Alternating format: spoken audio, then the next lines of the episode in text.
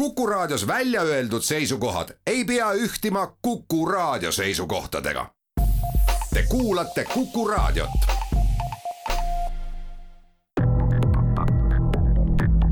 krimiraadio, Krimiraadio. tere taas, eetris on Krimiraadio ja ajakirjanik Raul Ranne. tänases saates räägime vargustest ja mu külaliseks on Lääne ringkonnaprokuratuuri juhtivprokurör Kristel Toming, tervitus. tere nagu statistika ütleb, moodustavad varavastased kuriteod registreeritud kuritegudes noh, suurima osa ja levinumad varavastased kuriteod on teadagi vargused ja mis möödunud aasta statistikas silma jäi, et lausa paari viimase aasta jooksul on varguste arv kasvanud Eestis. Öelge, miks teie arvates inimesed on hakanud rohkem varastama? No ma võib-olla alustaksin sellest, et tegelikult äh, Eesti on äh, väga turvaline riik ja, ja kuritegevuse tase siin on läbi aastate ikkagi järjest langenud ja, ja see, et varguste arv on pisut kasvama hakanud, äh, no ilmselt tuleb ennekõike sellest, et mis toimub ühiskonnas. ja, ja, ja kõik, mis, mis mõjutab ühiskonda laiemalt, on need kriisid, sõjad, majandusraskused, need mõjutavad ka inimeste toimetulekut ja, ja nii paratamatult, et kui elu on näidanud, et hinnad kallinevad, kallineb kütuse, kütuse hind, siis hakkavad sagenema meil kütusevargused, kui kallinevad toidukaupade hinnad, siis äh, paraku nii on, et äh, raskustesse sattunud inimesed äh, kipuvad rohkem ka endale siis sööki jooki lauale varastama, et eluga toime tulla. just nimelt selle kohta ma tahtsin täpsustada, et, et kas seal on mingisugune niisugune teadaolev pilt või statistika, et, et kas need on just nimelt see äh, varguste arv on kasvanud näiteks poevarguste arvelt või kui, siis kas toidu või riiete või mis, mis laadi vargused need on üldjuhul ja mis mahus või noh, ütleme, millise summa ulatuses keskeltläbi mm? -hmm. see statistiline pilt äh, näitabki seda, et see varguste arv on pigem kasvanud just nimelt kaupluse varguste arvelt ja, ja kaupluse vargused iseenesest moodustavad eelmise aasta vargustest äh, üle poole ja, ja varastatakse loomulikult äh, eri, eri liiki asju, toitu, alkoholi, ka olme- ja hügieenitarbeid ja loomulikult on ka mingi kategooria siis kurjategijaid, kes käivad kauplustest nii-öelda professionaalselt äh, varastamas teadlikult siis võib-olla kallimat lukskaupa, mida saab realiseerida, mille arvelt siis endale elatist teenida aga ma saan aru, et, et see suurem osa varastest siis on sellised, kes seda teevad kuidagi nagu tõesti juhuslikult et noh, niisugustel sotsiaalsetel põhjustel suures hädas olles, noh, muud ei jää üle põhjusel. tõsi on, et eh, nendest kauplusevargustest omakorda väga suur hulk on, on siis niinimetatud eh, süstemaatilisi vargaid need on siis eh, vargad, kes tegelikult varastavad eh, väga, väga väikestest kogustest, erinevad analüüsid on siin näidanud viimastel aastatel, et need kahjusummad jäävad Eh, sageli alla viiekümne, suisa alla paarikümne euro, on, on väga palju neid vargaid, kes eh, tõesti võtavadki selle piruka või, või limonaadipudeli või moosipurgi ja, ja nende tekitatud kahjud siis vargusega jäävad eh, lausa võib-olla sentide väärtusesse ja tõsi on, et suurema osa süstemaatiliste varaste nii-öelda need varguste algpõhjused peituvad sotsiaalsetes probleemides. Et on need siis äh, sõltuvusprobleemid, äh, terviseprobleemid, äh, toimetulekuraskused üldiselt elus, tööhõive, elukoha puudumine, et kõik, kõik see mõjutab inimesi ja, ja kõik see mõnes mõttes need meie, meie elukeskkond ja ja praegune ühiskond on tinginud selle, et inimestel on raskem ja, ja seetõttu nad ilmselt ka rohkem siis vargile lähevad. aga see termin süstemaatiline varas, see ikka viitab sellele, et nad ikkagi ei piirdu ühe korraga, vaid käivad sageli siis või? jah, süstemaatiline varas, see tähendab siis seda, et inimene on äh, toime pannud vähemalt kolm vargust ja seal ei ole tähtis siis, mis on see varastatu väärtus piisab ka sellest, et kui, kui inimene käib kolm korda ja varastabki üheeurose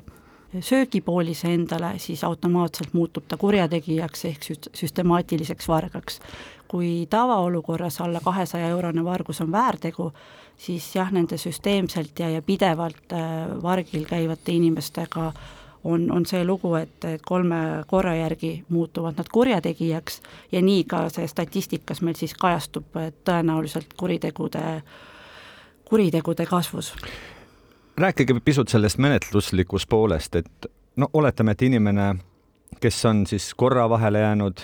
tema nimi ja tegu siis fikseeritakse nii-öelda väärteona ära ja nii see asi lõpeb. aga kui ta jääb kolmas kord tõenäoliselt kuskile kaupluse turvamehele vahele põues siis mingisugune toidugramm või mingisugused äh, tarbeasjad. mis siis juhtuma hakkab, tähendab, äh, kuidas see menetlus edasi käib ja, ja, ja noh, millega see inimene siiski arvestama peab, mis karistus talle siis ikkagi järgneb juba? No sellisel juhul, kui inimene kolmandat korda siis kas kaupluses otseselt vahele jääb äh, või siis ka poed tagantjärgi avastavad, et sama inimene on mitu korda meil vargil käinud, et siis järgnebki kriminaalmenetlus. Ja, ja kriminaalmenetluses äh,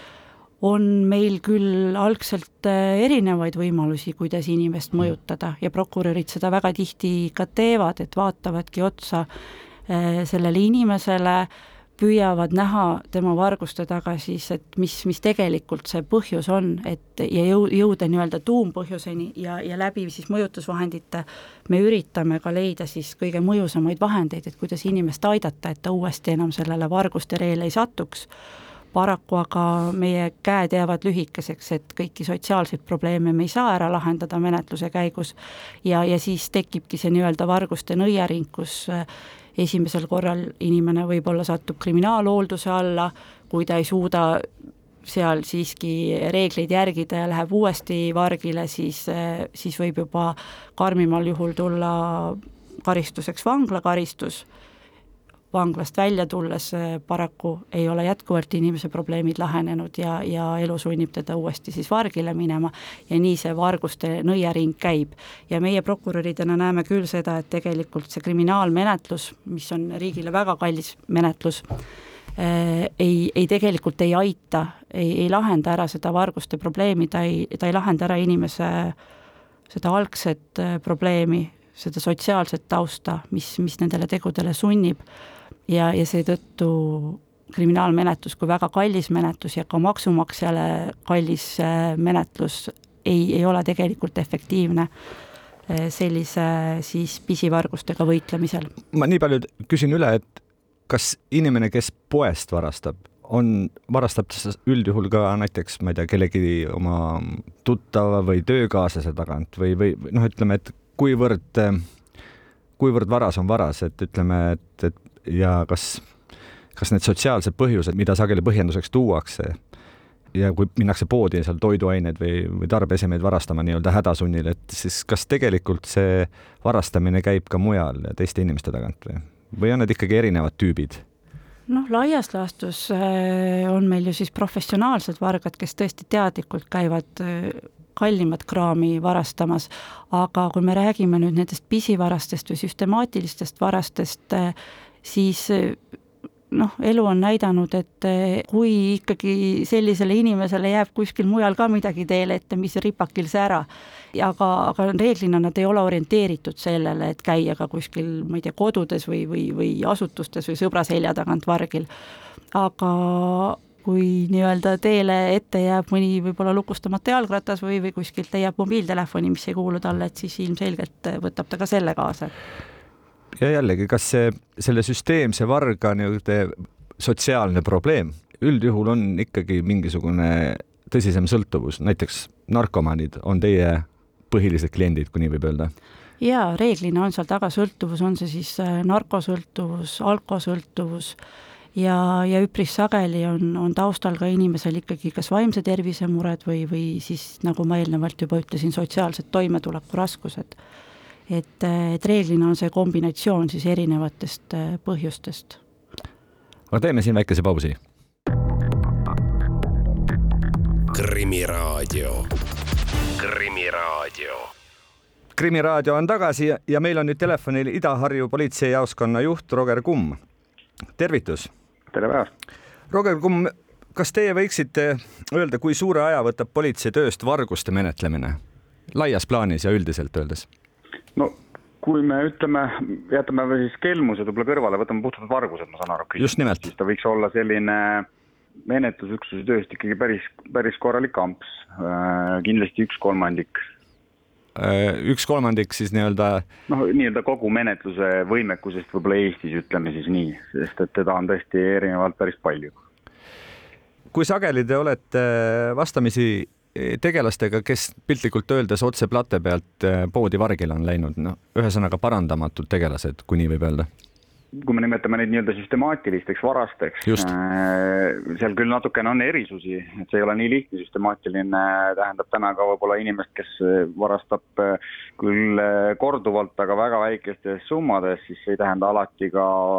nii-öelda siis vangistusena karistust, on ju. aga neid siiski tuleb ette, kus siis nii-öelda menetleja koos siis prokuröriga ei näe Äh, sellist mõjutusvahendit, mis seda inimest nagu kuidagi välja toob, ehk siis ainuke mõjutusvahend saab olla sellisel juhul nagu vangistuse küsimine kohtust, et äh, neid on äh, küll selliste varguste puhul, kui me räägime kaupluse vargused näiteks või pisemad vargused, siis nende puhul see ei ole nagu niisugune domineeriv praktika täna siiski, sest ega siis elu on ka näidanud, et ta, et see inimene saades siis või vabanedes vanglast nii-öelda, satub sellesama järje peale üsna pea tagasi et äh, siin tuleb nagu leida ühiskonnana nagu muid, muid lahendusi. ma olen ise ajakirjanikuna kokku puutunud äh, tegelasega, kes äh,, kui ma nüüd õieti mäletan, oli vähemalt umbes kahekümnel korral kohtu ees käinud ja, ja kõik see tema kuriteoregister laias plaanis koosneski selles, et äh, nii kui ta kuskilt vabanes, parimal juhul ta nädal aega pidas vahet võib-olla natuke pikemalt, aga siis ikkagi jõudis ta omadega kuhugi kauplusse, kus ta siis jälle pani alates kohvist ja lõpetades noh, näiteks dressipükstega noh, mhm. mingisugust kraami endale põue ja üritas ikkagi rõõmsalt siis poest välja marssida ja seal ta ka vahele jäi. et mida sellistega siis teha? noh, nagu no too näide ütleb, karistus justkui ei aita, et mhm. no noh, põhimõtteliselt ikka otse vanglast läheb vargile noh, meil eelmisest aastast on näiteks just siin Põhja prefektuuris, kus mu enda meeskond on nagu tugevalt ka sees, on püüamegi siis koos Turvaettevõtete Liiduga näiteks leida selliseid lahendusi, on ju, koostöös ka siis lõpuks prokuratuuriga, on ju, sellisele nii-öelda juurpõhjusele, me ise lahterdame neid äh, vargaid selliselt äh, suures plaanis kolme ja tahame natukene proovida ikkagi uut lähenemist läbi abivajaduse. et mis see tähendab, abivajadus, abivajadus tähendab ka seda, et et mis sellel inimesel siis tegelikult, mis teda nii-öelda vargile suunab. ja, ja üks osa sellist võib-olla, ma tahaks öelda kõige lihtsamalt, aga samas mitte kõige lihtsam, on see, et et meil, meil inimesed varastavad, kellel on mingi nii-öelda haiguslik seos, näiteks äh, dementsus on ju, vanemaealiste puhul, aga miks mitte ka tavainimene, kellel on, võib juhtuda ka korduvalt seda, et ta siis iseteeninduskassast läbib äh, mingisuguse esemest maksmata, kuigi võib-olla suurem osa on makstud kas me näeme seal pahatahtlikkust või mitte, noh juriidilises vaates, kui ta on välja tulnud, on selge, et ta, et ta on midagi kaasa võtnud, siis nagu oleks vargus täidetud ja menetlema neid peab. et see on see esimene juhus, kus me näeme selgelt, et seal tuleb vaadata, et mis selle taga on, võimalik, et seal saab siis äh, sotsiaaltöö või muu äh, meditsiinilise sekkumisega võib-olla inimest aidata ja, ja need ei kordu, siis me räägime juurpõhjustest. siis me oleme ise lahterdanud nii-öelda teise, teine grupp äh, on puhtalt siis äh, sellised äh, sõltuvusega seotud varastegrupid, ehk siis kas siis alkosõltuvus või narkosõltuvus ja see ei tähenda, et nad alati varastavad nagu enda tarbeks, vaid tähendabki seda, et nad äh, realiseerivad selle kauba äh, ja realiseerivad siis tõesti kas ise tarbides või siis selle eest raha saades ja ostes siis narkootikume või ka muid nii-öelda sõltuvusaineid, aga ka nende puhul me ju saame ju täna kõiki väita ju julgelt, et nad teevad seda tegelikult selle aine saamiseks, mis tähendab seda, et kui meditsiinisüsteem ja muu selline rehabilitatsioonisüsteem tegeleb nende inimestega, siis äh, see juurpõhjus kaob ära suure tõenäosusega nad vargile, vargile ei lähe. kas kõik hinged on päästetavad, on iseküsimus, aga ma arvan, et see on nagu hea suund ikkagi äh, vähemalt äh, lähitulevikus nagu kasutusele võtta nende puhul ja siis on see kolmas äh, meie jaoks grupp nii-öelda nendest, need on nüüd need sarivargad, et nende puhul äh, me näeme ka ise, et paraku siin nagu erilist mm, nagu hingede tagasitoomist väga ei ole, siin teeb politsei ja jääb politsei tegema nende inimestega tööd. Äh, ja, ja ma usun, et ka noh, ma ei tahaks öelda enamikule, aga vähemalt mingisugusele suurele osale nendest ka tegelikult terendab vang, vanglakaristus ja vangistus. ja nende puhul ka tõsi on see, et nad ei kipu sellest ringist nagu välja tulema ja meil ei ole ka häid vahendeid, lõpuks, lõppkokkuvõttes, kui inimene nagu ise ei näe endas muud äh, tulevikku, siis ta ei tule ka sellest ringist välja. aga, aga, aga muidugi ka seal on olnud, on inimesi, kes siis tõesti nagu noh, liiguvad siis, liiguvad kas mujale, kas me ei näe, et nad uuesti toime panevad või siis lähevad välismaale hoopis oma tegusid tegema või siis tulevad tõesti sellest äh, ringist ka välja aga ma pean ikkagi lõpetuseks küsima, et mm -hmm. ükskõik, mis põhjus sellel vargusel ka ei oleks, on see siis mingisugune sotsiaalne mure või probleem või on inimene ikkagi narkomaan ja ta oma ainete jaoks raha hankimiseks peab varastama, kõik need eh, vargused ikkagi eh, fikseeritakse, kõik nad ikkagi ütleme, vargad karistuseta ikkagi lõppkokkuvõttes ei jää või? See, see mm, võib-olla liiga üldistav, loomulikult tuleb see vargus ka tuvastada ja see inimene tabada, et noh, me saame küll varguste puhul julgelt öelda, et äh, üle poolte või noh, ta sinna poole kanti, viiekümne protsendi ulatusse jääb kogu vargustest, on kaupluse vargused, mis, äh, millest ka väga paljudel on tõesti olemas siis äh, kas see isik on kohapeal tabatud või on mingi kaamerasalvestus olemas ja nende puhul selle isiku tuvastamine on märgatavalt lihtsam ja loomulikult, kui see isik on tuvastatud, äh, siis, siis tema osas ka viiakse läbi menetlus ja, ja saadetakse kohtu ette. Äh, või vähemalt prokuratuuri siis olenevalt, äkki see isik on nõus mingisuguse kokkuleppemenetlusega. Äh, küll aga siis mingis osas varguseid tõesti jääb ju ka nii-öelda tuvastamata või vargaid jääb tuvastamata, ehk ei õnnestu või ei ole sellist materjali, mille pealt seda isikut tuvastada, et ka seda osa siiski on, on piisavalt selge pilt, aga igal juhul ma tänan teid, Roger Kumm ja jõudu teile teie töös. aitäh teile. krimiraadio, Krimiraadio. krimiraadio jätkub ja, ja räägime edasi nii-öelda professionaalsetest varastest. Öelge palun, Kristel Tooming, kas äh, professionaalseid vargaid, see kõlab ju uhkelt kuidagi, et kas Eestis on palju või, või kas me saame rääkida mingisugusest suuremast proffvaraste kogukonnast? või kes üldse on professionaalne varas tänases mõistes Eestis? no meie peamegi professionaalsete varaste all silmas siis neid inimesi, kes tõesti teenivad äh, varguste läbi elatist, kes, kes ongi mingis mõttes äh, grupeerunud, kes äh, otsivad nii-öelda väärtuslikuma kraami äh, võib-olla tungivad sisse eluruumi, asutustesse, ettevõtetesse, et otsivad seda, seda vara siis, mida oleks võimalik hõlpsalt realiseerida, sellest tulu teenida. Ma ei julge öelda, et Eestis on nüüd tohutu suur profivaraste kogukond, et et kui me vaatame ikkagi neid statistilisi numbreid, siis jõuan tagasi algusesse, et Eestis on tegelikult turvaline elada ja, ja ka varguste vaates on Eesti inimesel äh, üpris turvaline elada, et kui me siin statistiliselt välja toome, siis äh, eluruumist äh, varguseid oli eelmisel aastal suurusjärgus viissada, sõidukite vargused on meil praktiliselt ära kadunud, et jah, et seda professionaalset varast ja, ja neid, neid gruppe eksisteerib, aga, aga ma julgeks öelda, et Eesti politsei on, on väga head tööd teinud nendega, et ega, ega siin lihtne toimetada ei ole. aga siiski on ju aeg-ajalt äh, ka niisuguse lainena üles tulevaid teemasid, kus äh, kas varastatakse, ma ei tea, ehitusplatsidel tööriistu või, või just nimelt äh, autosid, et mingil hetkel teatud tüüpi autod varastatakse. ma olen aru saanud, et noh, nii ühel kui teisel puhul sageli on tegu mingisuguste gastrolööridega või mujalt tulnud vargagruppidega. mis te selle kohta jah, siin me räägime nendest eh, niinimetatud Leedu, Leedu autovarastest, jah, aeg-ajalt neid Eestisse satub äh,, aeg-ajalt neil õnnestub siit ka tõesti autod üle piiri ära toimetada, aga, aga ka siin on üldine tendents see, et Eesti politsei teeb äh, väga head tööd, väga head koostööd naaberriikidega, et et äh, reeglina sellised äh, üritused jäävadki gastrollideks või et, et need grupeeringud tabatakse ja, ja, ja nii-öelda likvideeritakse või, või neutraliseeritakse nende võimekus siis nagu pikemalt siin Eestis toimetada. mul jäi kõrva, et ka korterivarguseid on tunduvalt vähem me mäletame kõik aegu üheksakümnendates, kus inimesed vähemalt esimesel korrusel elades panid metalluksed ja, ja trellid akende ette,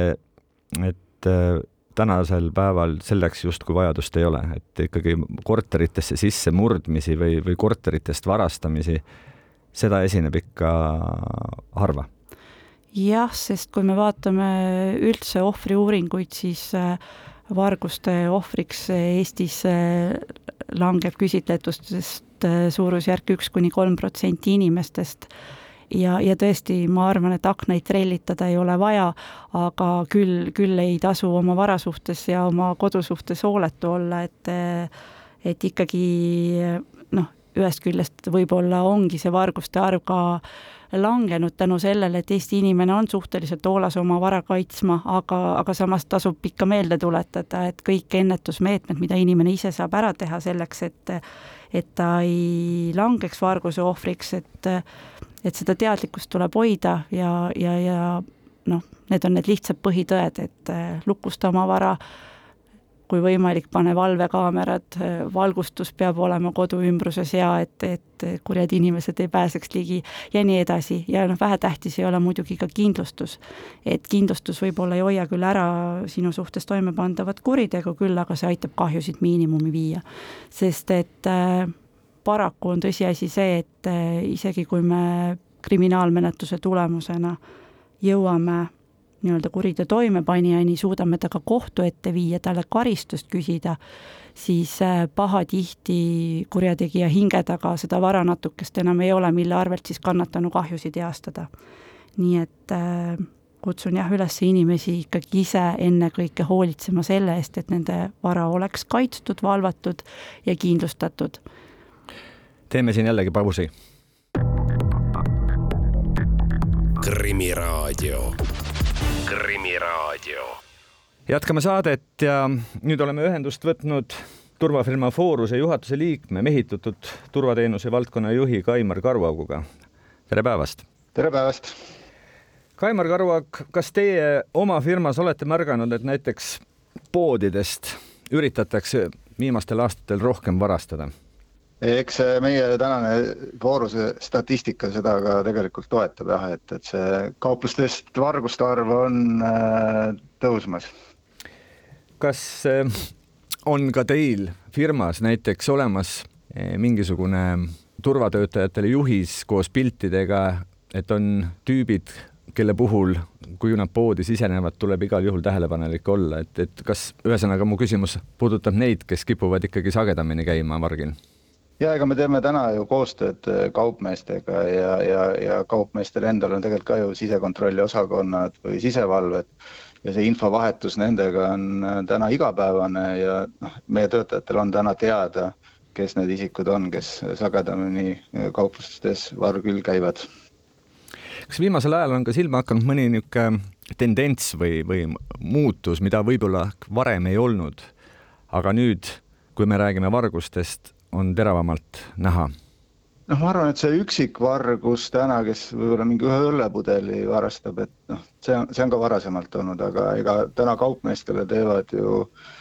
suuremat kahju ikkagi grupeeringud, kes siis täidavad kellegi tellimust mingi kindla toote peale, et siin on küll näha, et äh, kui on mingi, mingi tellimus on olemas näiteks alkoholile või maitseainetele, et siis on näha kohe seda, et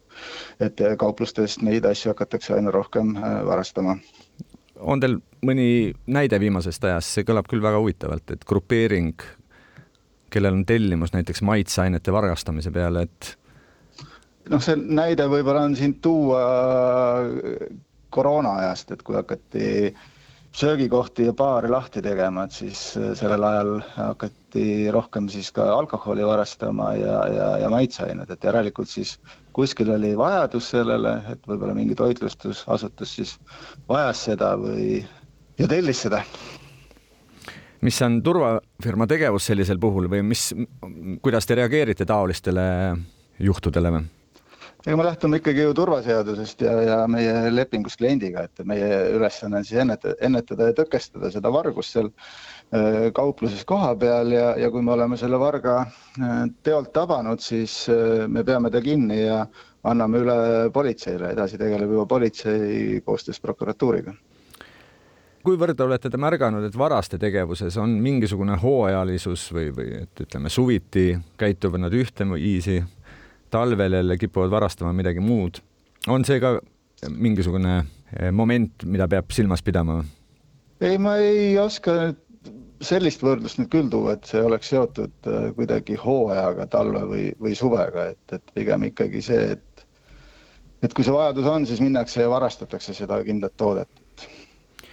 ma ei tea, kui palju teie nüüd oskate rääkida sellest, mis toimub äh, näiteks suvilates ja korterites, et me ikkagi noh, eriti kui me räägime suvilatest, siis ikkagi suvehooajal kipub tõusma ka see nende kaebuste hulk, kus räägitakse noh, ütleme hoovi pealt varastatud muruniidukitest või jalgratastest, et äh, on teil selle koha pealt nagu kogemusi või tunnetust? eks see tendents on samuti tõusutrendis, et ega siin varastatakse jalgrattaid ja mopeede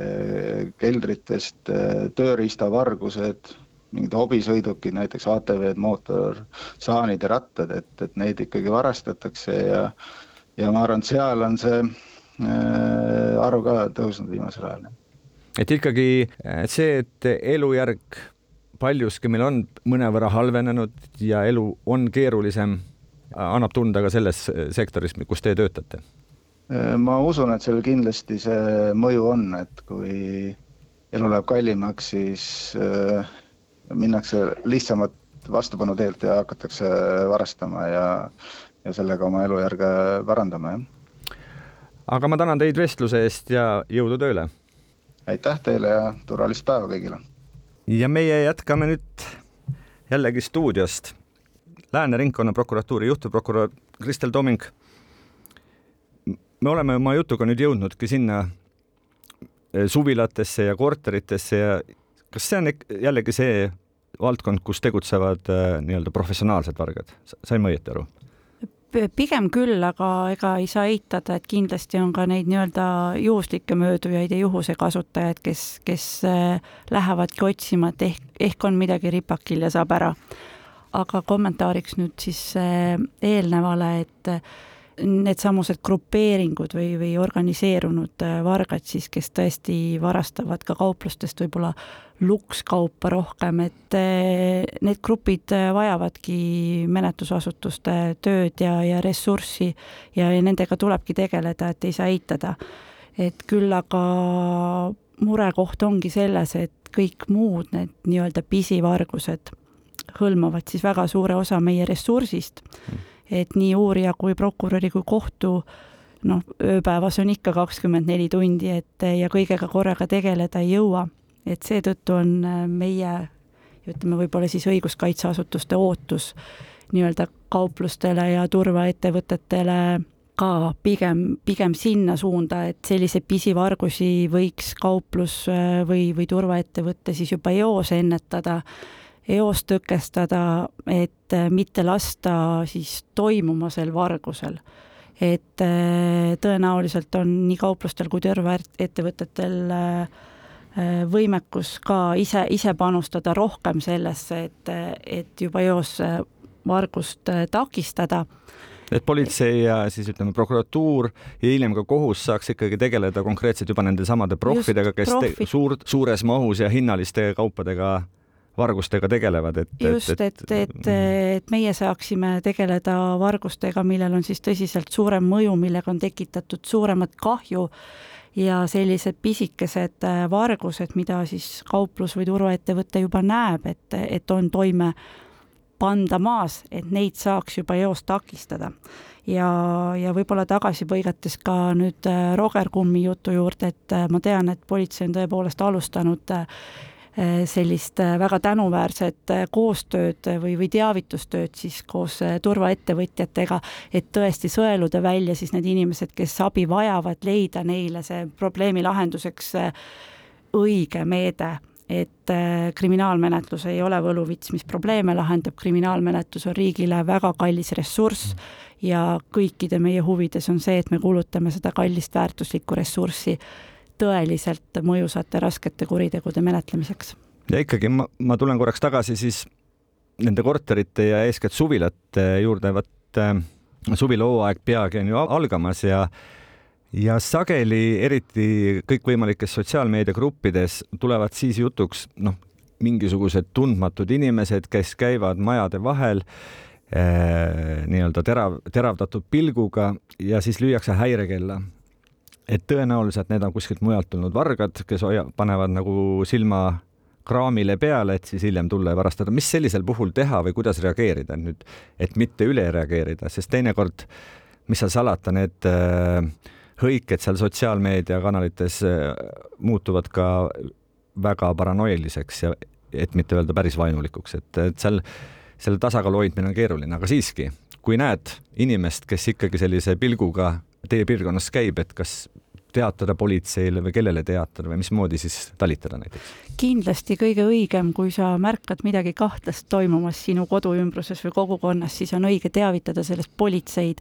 Et tõsi on, et sotsiaalmeediagruppides sellise nii-öelda teavitustöö tegemine võib sellist põhjendamatut hirmu külvata või võib-olla ka isegi hüsteeriat, aga, aga tõeliselt tänuväärne on see, kui inimesed teavitavad politseid sellest, mis nende kodukohas toimub, kui nad märkavad,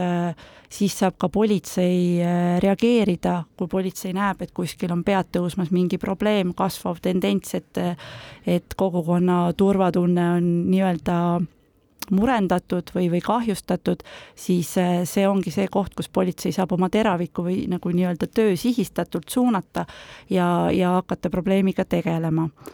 et äh, ikkagi juba varem mainitud nii-öelda see enda teadlikkus, enda ennetav tegevus oma vara kaitseks, pluss ka politsei teavitamine on väga olulisel kohal, et meie kogukonda turvalisemaks muuta. on veel mõni meede, et ähm, noh, ütleme siis varaste suhtes ennast kaitsta ja samal ajal võib-olla anda siis politseile ja, ja muudele õiguskorra tagamisega tegelevate organitele nagu võimalus tegeleda tõesti suurte kurjategijate, suurte kuritegudega, et, et on seal midagi veel, mida peaks tegema kodanikuna? no kodanikuna ongi kõige olulisem ise panustada oma vara kaitsesse, märgata enda ümbruses toimuvat ja politseid kindlasti teavitada. kas see viimasel ajal nagu jutuks olnud teema, et võib-olla noh, ütleme leida seal rohkem ikkagi sealt, otsida neid äh, varguste ja varaste tegemiste põhjuseid seal sotsiaalteemadest, et kas ei tekita elanikes sellist tunnet, et nagu ei taha pisikeste asjadega prokuratuur tegeleda ega politsei ega aega raisata ja seetõttu nagu suunab kogu selle äh, tähelepanu justkui sinnapoole. või on see ikkagi vale arusaam, et ikkagi tegeletakse kõigi kuritegudega, kõik on fikseeritud ja tegelikult äh, ei maksa pabistada? no politsei kindlasti äh, soovib omada ülevaadet kõikidest kuritegudest, mis on toime pandud. iseasi jah, kas, kas iga kuriteoga jõuab tegeleda. tõsi on see, et riigi ressursid on piiratud, samamoodi on õiguskaitse ressursid piiratud ja, ja tõsi on, et nii kurb, kui see ka kannatanu vaates ei ole, siis päris igat jalgrattavargust või muruniiduki vargust äh, politsei avastada ei suuda. Ja kui ikkagi juba kogemuse ja, ja varasema teadmise pinnalt on, on näha, et selle kuriteo menetlemine ei vii tulemuseni, meil pole ühtegi juhtlõnga, meil pole vähimatki infot võimaliku kurjategija kohta, et eh, siis eh, politsei ja ka prokuratuur teevad igapäevaselt neid valikuid, et eh, ja mõnikord ongi see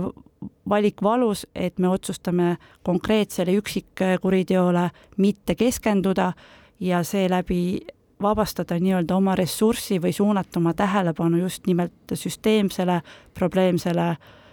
professionaalsele kuritegevusele. ja ma usun, et selliselt äh, targalt valikuid tehes ja sihistades lõpuks võidab kogu meie ühiskond ja kogukond muutub turvalisemaks. ja alati on võimalik, et leitakse mingisuguse varaste grupeeringu nii-öelda vaheladu, kus see jalgratas on noh, mingiks ajaks hoiule pandud või et see varem või hiljem võib juhtuda, et jõutakse millegi selliseni ja, ja see jalgratas saadakse tagasi. jah, ka selles vaates on tõesti oluline politseid teavitada, kui sa oled kuriteo ohvriks langenud, et, et politseil oleks, oleks tõesti võimalik kannatanut ja, ja varastatud asja omavahel kokku viia, isegi kui me võib-olla kuritegu ei tuvasta ja süüdlast kohtu ette ei suuda viia. igal juhul ma tänan teid, et tulite meile stuudiosse ja rääkisite vargustest ja varastest ja loodetavasti paraneb meie elujärg Eestis ka sedavõrd, et äh, nii-öelda absoluutse häda sunnil vargile minevaid inimesi on aina vähem. täna oli stuudios meil Lääne ringkonnaprokuratuuri juhtivprokurör Kristel Tooming. soovin teile palju edu ja jõudu. aitäh! tänane Krimiraadio on läbi, uute teemadega oleme eetris järgmisel nädalal Krimiraadio, Krimiraadio